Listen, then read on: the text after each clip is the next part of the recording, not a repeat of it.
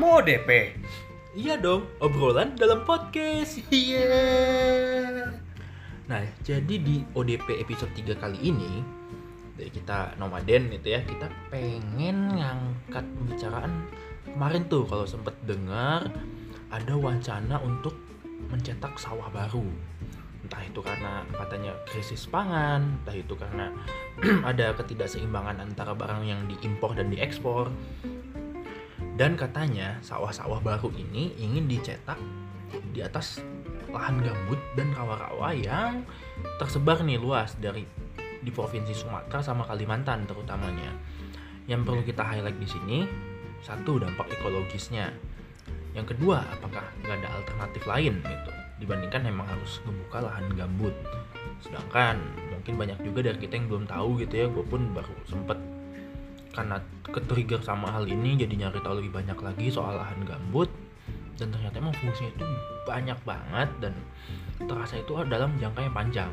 Jadi kalau emang menurut gue nggak seimbang gitu ya untuk mencari solusi menurut gue ini jangka pendek sampai menengah lah krisis pangan ini kan karena banyak faktor. Karena tadi ini kita lagi dalam di bawah pandemi gitu banyak juga harga-harga tertentu yang jadi ikut naik dan diambil dengan solusi dengan mengorbankan suatu hal yang sifatnya jangka panjang gitu. Hal yang berhubungan dengan ekologis keseimbangan lingkungan tentang daerah resapan air tentang penampungan emisi karbon dan juga untuk memudahkan irigasi bagi petani-petani. Dan lahan gambut itu juga terlalu banyak gitu yang terletak di daerah pinggiran hutan atau yang dekat dengan perkampungan gitu. Let's say dia itu emang banyaknya itu tengah-tengah hutan gitu. Jadi untuk membuka lahan itu pasti akan banyak banget lahan yang baru dibuka. Nanti belum lagi kita ngomongin soal akses jalannya pembentukan pasar di situ.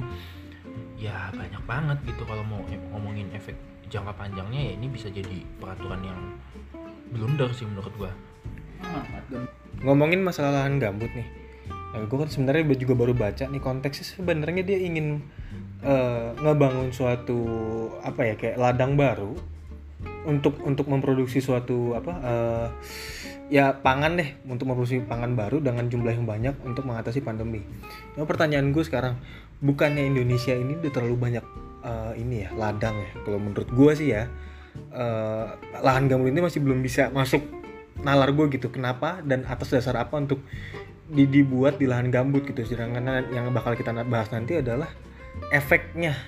Bakal seperti apa sih kalau memang lahan gambut lahan gambut yang sekitar yang gue baca ini ada sekitar 10 hektar yang bakal dibangun 10.000 hektar yang bakal dibangun eh, lahan gambut menjadi eh, ladang ini kira-kira menurut lo Al bakal kayak gimana sih Al jadinya? Nah, kalau emang kita lihat gitu ya, secara jumlah keseluruhan, kalau kita bandingkan dengan 10.000 hektar itu yang jadi rencana dari pemerintah dan juga Kemen- Kementerian Pertanian ini, memang perbandingannya itu masih cukup jauh gitu. Di Indonesia sendiri tercatat memang masih ada jutaan hektar gitu lahan gambut yang tersebar ya seluruh Indonesia.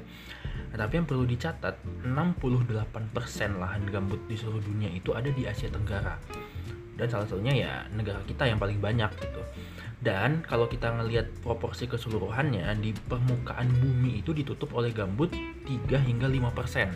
Itu kan udah cukup. Gak terlalu banyak lagi gitu yang tersisa. Sedangkan emisi karbon semakin banyak karbon dioksida nih gue maksud ya. Entah itu lewat pembakaran hutan polusi atau segala macem. Dan di sinilah peran gambut ini sangat penting. Dan lagi kalau kita tarik khususnya di Sumatera gitu ya ada satwa-satwa endemik yang menggantungkan hidupnya di lahan gambut ini. Contoh harimau Sumatera yang jumlahnya udah makin mau habis gitu sampai sekarang. Dia mencari mangsa paling banyak di sekitar lahan gambut. Dan juga banyak tanaman ataupun kondisi hutan juga mengandalkan cadangan air dari si gambut itu sendiri. Nah jadi kalau ngeliat komposisi kita bicara komposisi dulu ya. Gambut ini memang kadang beberapa 100 sampai 100% sampai dengan bisa jadi 1000 persennya itu emang air gitu daerah itu. Jadi memang density atau ketebalan tanah itu amat sangat rendah. Jadi emang kalau lu masuk ke lahan gambut terus lu gak sengaja nginjak lahan gambut gitu ya, lu bisa amblas gitu ke dalam masuk rawa. Itu udah air semua dan ya ada tumbuhan jalar atau apa pun itulah segala macam jadi emang nggak bisa nahan beban yang terlalu banyak dan kita ketika memasuki musim kemarau itu akan kering tuh banyak tuh. Nah saat kering itu kan semua tanaman ataupun vegetasi-vegetasi itu banyak yang membusuk kan karena terlalu banyak kena air gitu. Nah saat masuk musim kemarau itu semua udah kering. Nah dan saat-saat inilah amat sangat rawan gitu. Terjadi kebakaran di lahan gambut. Dan uniknya lagi gitu setelah tahu ini ya kalau masuki musim kemarau akan sangat mudah terbakar. Di saat in, saat menjelang musim kemarau ini pula lah pemerintah dan Kementerian Pertanian ingin membuka lahan gitu. Kata dia malah ya mumpung musim kemarau ini lahan bisa jadi lebih mudah gitu untuk dibuka. Ya nggak masuk akal aja sih menurut gue ini salah satu bentuk ekosistem yang penting buat kita gitu ya sedangkan kalau untuk lahan pertanian masih banyak lah tanah-tanah lain yang mungkin bisa dialihkan gitu untuk jadikan ladang baru Oke, berarti kita sekarang mau ngomongin yang tadi tuh yang diomongin yang uh, masalah lahan gambut ini adalah dari segi manfaatnya. Nah, sekarang gue pengen uh, sedikit ngomongin worst skenario-nya nih. Misalnya di Indonesia yang tadi Al udah bilang bahwa betapa pentingnya lahan gambut untuk ekosistem. Nah, kalau memang proyek 10.000 hektar ini akan dibangun untuk lahan gambut menjadi ladang, kira-kira apa sih yang bakal apa ya uh, hal apa yang akan paling uh, mengancam gitu bagi lingkungan ya? Misalnya let's say uh, dari dari segi ini dulu deh dari segi ekosistem dulu deh. Uh, ya itu tadi satu fungsi krusialnya ya daerah resapan air itu dan juga misalkan untuk memilah-milah jadi di daerah lahan gambut ini bertemulah air dari yang sifatnya asin gitu ya entah itu dari rawa atau sebagian dari laut dan juga air sungai. Nah, di lahan gambut ini saat dia terkumpul itu dari dua jenis air tawar dan air asin ini jadi kayak inilah semacam kayak bendungan atau benteng awal gitu supaya air itu bisa bersifatnya lama-lama menjadi tawar dan juga airnya menjadi air resapan tanah. Dan yang perlu dicatat juga pembentukan sebuah lahan gambut itu bisa mencapai waktu 10.000 tahun ini yang lama banget kebentuknya supaya benar-benar secara alami gitu ada berbagai macam vegetasi yang akhirnya kedekomposisi dan membusuk di satu tempat, suatu area dan akan menjadi lahan gambut.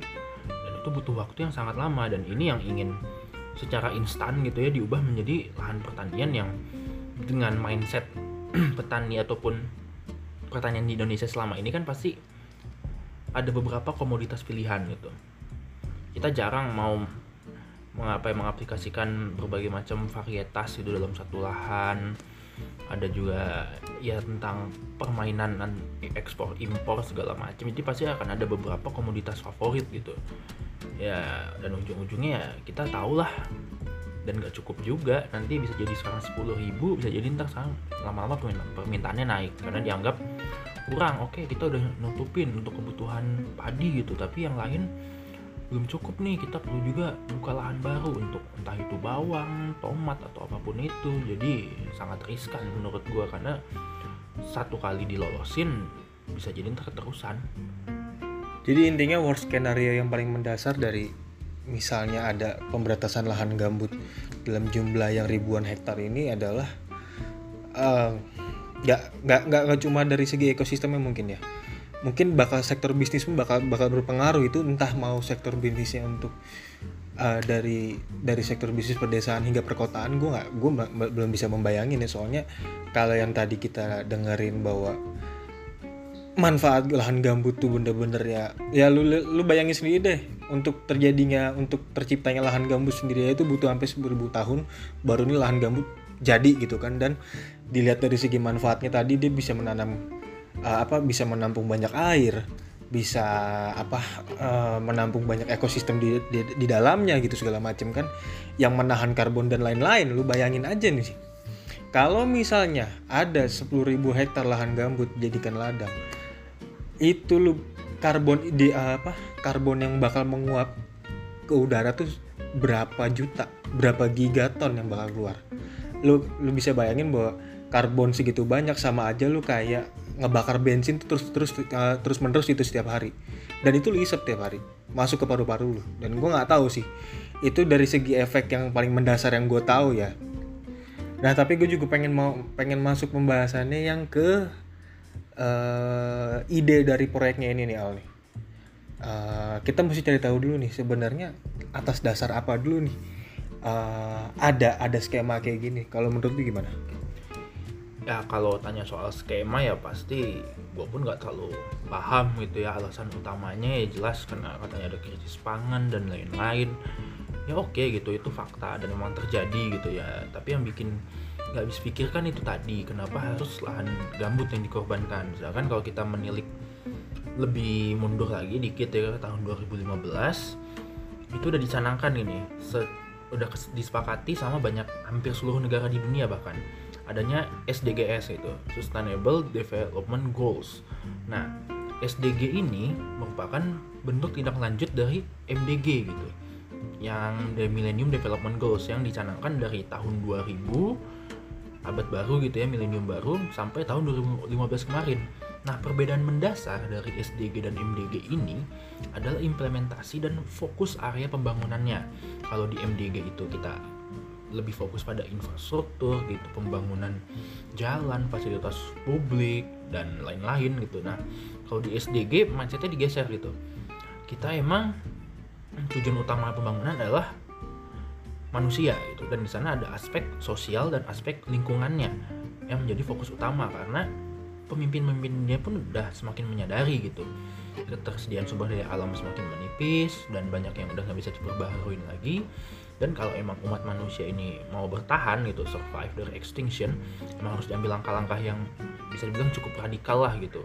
Kalau mindset kita soal pembangunan gitu ya. Dan yang dilakukan ini mungkin masih berdalih masih dalam cakupan SDG gitu ya untuk mengatasi krisis pangan dan lain-lain. Cuman kan aspek lingkungannya itu tadi belum dikaji dengan jelas gitu implementasinya daerah gambut seperti apa aja. Layan gambut itu kebaginya juga amat sangat banyak yang kandungan organiknya seperti apa kandungan kimianya seperti apa itu ya udah pakar-pakar lingkungan lah yang ngerti gitu soal itu gitu. Dan gambut mana yang benar-benar kering saat musim kemarau dan udah menjadi alih fungsi menjadi lahan biasa gitu. Itu kan beda lagi perhitungannya dan itu gak dijelaskan dengan rinci dan detail gitu. Dan banyak juga pihak yang akhirnya mempertanyakan nih kebijakan ini apa alasannya selain cuma krisis pangan yang digombar-gomborin di awal gitu. Sedangkan kalau emang kita mau mikir gitu ya soal pengalih atau fungsian tanah gitu ya banyaklah jenis tanah lain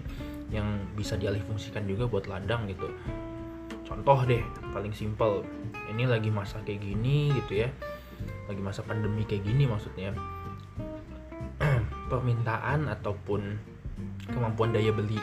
Orang kan menurun nih di banyak tempat gitu termasuk di sektor perumahan. Yang sebelum pandemi aja daya beli udah menurun gitu. Saat ada sebuah developer bangun klaster atau bangun rumah yang beli developer lagi gitu dan sedangkan yang nyampe ke masyarakat tuh sendiri daya belinya makin ke sini makin turun ya. Kenapa itu yang nggak diatur satu regulasinya gitu tentang housing juga? Bisa jadi izin pembukaan pusat perbelanjaan gitu yang udah udah di mana-mana lah gitu. Kayak buat apa? Kebanyakan juga. Udah cukup lah yang ada sekarang gitu. Kalau dari ini konsepnya kota besar gitu ya. Kalau di kota-kota pinggiran mungkin lebih ke housingnya gitu. Ataupun soal pembukaan tambang atau perkebunan dan lain-lain tuh kan bisa diatur juga gitu. Kenapa langsung larinya terlalu ekstrim menurut gua kalau ke gambut kejauhan? Gue pengen coba sedikit counter kali ya.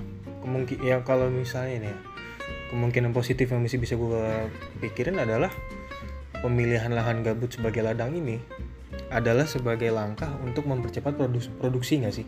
Jadi ibaratnya yang tadi lu bilang bahwa lahan gambut ini menanam bukan menanam sorry menampung banyak sekali mineral di dalamnya. Secara nggak langsung sebagai gue orang awam yang gue yang bisa gue uh, pikirin adalah bahwa oh ya udah kalau misalnya lu nanam ladang di apa buat ladang di lahan gambut uh, bakal lebih cepat nggak sih ekosistemnya uh, pertumbuhannya gitu. Atau dengan kata lain karena memang tadi lahan-lahan tanah jenis-jenis tanah lainnya selain lahan gambut sudah dipakai untuk pembangunan atau apa pun itulah ya kita nggak bakal bahas yang terlalu radikal seperti itu.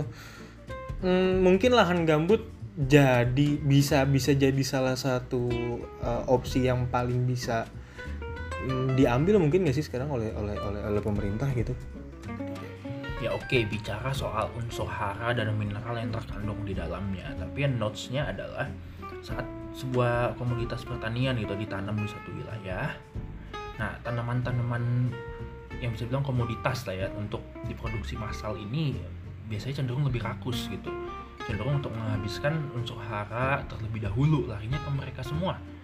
Nah saat nanti apa min kandungan mineral dan unsur hara itu semua di suatu wilayah yang tadinya bekas lahan gambut itu habis semua untuk memproduksi mempercepat produksi pertanian gitu. Ya apa yang tersisa buat alam gitu. Apa ya apalagi siapa lagi yang mau meresap air gitu segala macam. Siapa lagi yang mau menopang lah jadi paru-paru lah gitu. Paru-paru Indonesia deh nggak usah ngomong dunia dulu kejauhan. Sedangkan deforestasi aja di Indonesia itu tingkatnya udah makin tinggi. Banyak pabrik-pabrik baru dibuka yang ngebuka hutan perkebunan sawit gitu ya. Ini kok gue nyinggung soal sawit mungkin banyak orang ya. Ini gue pengalaman pribadi juga gitu. Jadi di daerah Sumatera itu emang sawit itu salah satu tanaman favorit lah. Jadi gue emang uh, keluarga punya sepetak lahan lah gitu daerah Sumatera dan di sekeliling kita itu hampir semua orang dan nanam sawit dan keluarga gue emang memutuskan untuk nggak mau tuh nah nanam sawit itu. Karena saat nanti udah belasan tahun sampai puluhan tahun segala macem itu tanah bener-bener merah. Karena semua airnya mineralnya unsur haranya ya habis dimakan si sawit itu. Jadi emang ada beberapa jenis tanaman yang biasa emang untuk kebutuhan konsumsi kita sehari-hari pada akhirnya itu merusak kondisi tanah dan saat proses mereka udah selesai emang nggak nggak bentar gitu bisa sampai puluhan tahun gitu. Dia ditanam di satu tempat. Nah cuman setelah itu tanahnya jadi nggak guna lagi. Udah nggak ada butuh waktu yang lama. Mungkin bisa dua sampai tiga kali lipat lagi lebih lamanya gitu dari dari yang digunakan. Karena tanahnya bisa mati bisa angus dan ya udah akhirnya ya jadi sia-sia. Nggak bisa dipakai lagi. Berarti secara nggak langsung adanya adanya proyek lahan gabut kayak gini adalah risiko jangka panjang ya. Maksudnya nggak risiko yang setahun dua tahun ke depan. Tapi yang masih bisa gue pikirin saat ini uh, paling positifnya adalah kita berbicara soal perut. Mungkin ini langkah langkah salah satu langkah yang paling beresiko salah satu langkah yang paling merusak demi melindungi uh, demi melindungi perutnya sih.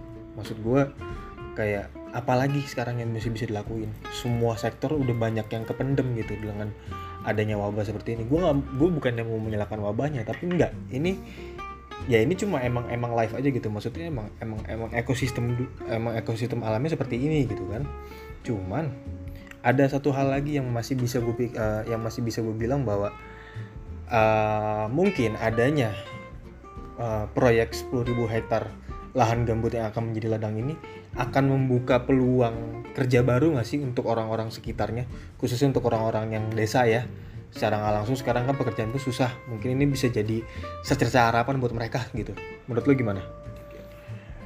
Iya kalau ngomongin soal solusi emang bisa jadi gitu. Tapi yang udah kita omongin di awal gitu ya cobalah kita pikirin efek panjangnya gitu. Mungkin perut kita akan terisi mungkin juga satu generasi di bawah kita mungkin perutnya akan terbantu terisi gitu. Tapi setelah itu apa gitu. Nah dan kalau soal kebijakan dan regulasi itu kan juga belum di dengan jelas. Nah jadi gue melihat nih beberapa waktu belakangan ini ada kecenderungan gitu dari pemerintah kayak ya testing di water gitu. Kayak kemarin ada wacana kita mau buka transportasi lagi dilempar dulu ke publik gitu ya banyak lah orang protes gitu kan. Nah, ini juga nih kemarin kan untuk mencetak sawah baru juga dikasih dulu ke publik gitu dianginin dulu. Ini ada wacana ini nih dari pemerintah. Menurut lu publik gimana gitu? Dan banyak juga yang protes. Jadi gue emang sebenarnya nggak ngerti juga gitu apa urgensinya apa objektif utamanya. Dan kalau soal lapangan kerja atau segala macem gitu ini udah kalau dilihat-lihat ini emang ada miripnya ya. Gue nggak bilang sama dengan yang dilakukan di era orde baru dulu gitu revolusi hijau.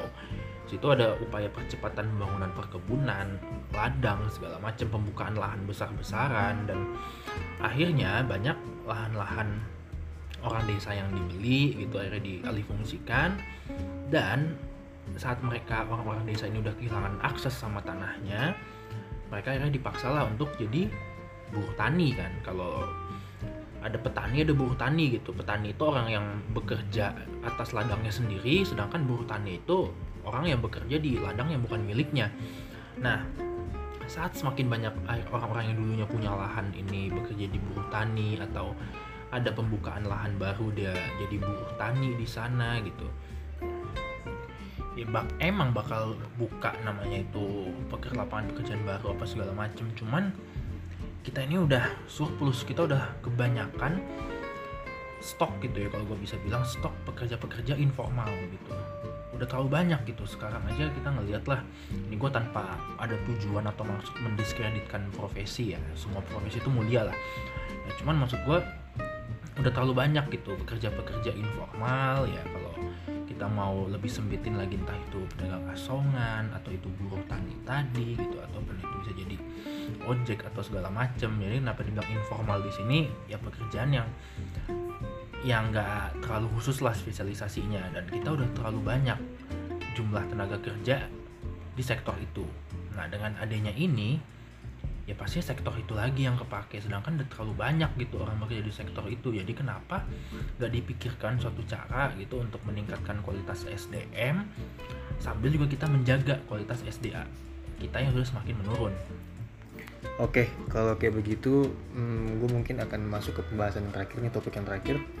Hmm, sebagai salah satu, uh, bukan salah satu, sebagai seseorang yang tinggal di negara demokrasi, kalau misalnya gue dikasih uh, di, uh, dikasih tiga opsi dikasih tiga ide opsi gitu. Ide apa yang pengen gue kasih atau lo yang pengen yang pengen lo kasih untuk masalah lahan gambut ini? Kalau dari gue sendiri ngomongin masalah opsi yang pertama. Ini kan kita misalnya kalau dikasih tiga opsi ya. Satu dari gue adalah uh, ngembangin masalah riset sih. Ini ini cuma yang ada di pikiran gue ya ngomongin masalah research soalnya gue yang gue pikirin sekarang ini adalah uh, ketika ada masalah kayaknya orang Indonesia udah terlalu pinter dia untuk nyari solusinya.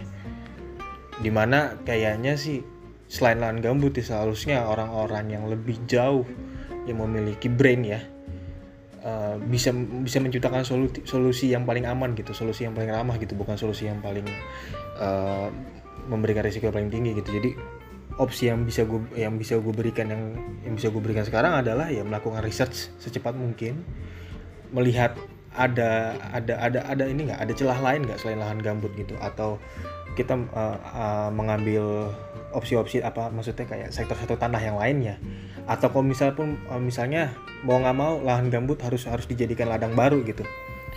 Akankah 10 tahun kemudian akan ada revitalisasi dan restorasi gitu untuk memperbaiki uh, sektor yang rusak ini loh. Bukan rusak sih maksudnya sektor yang seharusnya dikembalikan uh, seperti awalnya gitu seperti sebagaimana fungsinya gitu. Itu mungkin opsi pertama dari gua. Kalau dari lu al? Nah kalau dari gua sih yang utama itu ya transparansi dulu deh gitu. Kita bicara soal krisis pangan kemarin gue lupa di tahun 2017 apa 18 atau bahkan di awal 2019 itu sempet ribut-ribut tuh soal katanya cadangan beras itu yang bermasalah dan orang akhirnya antar instansi ini perang ya dari Kementerian Pertanian dan Bulog. Awalnya Kementerian Pertanian yang diserang tapi ternyata itu semua kebijakan ada di bawah Bulog.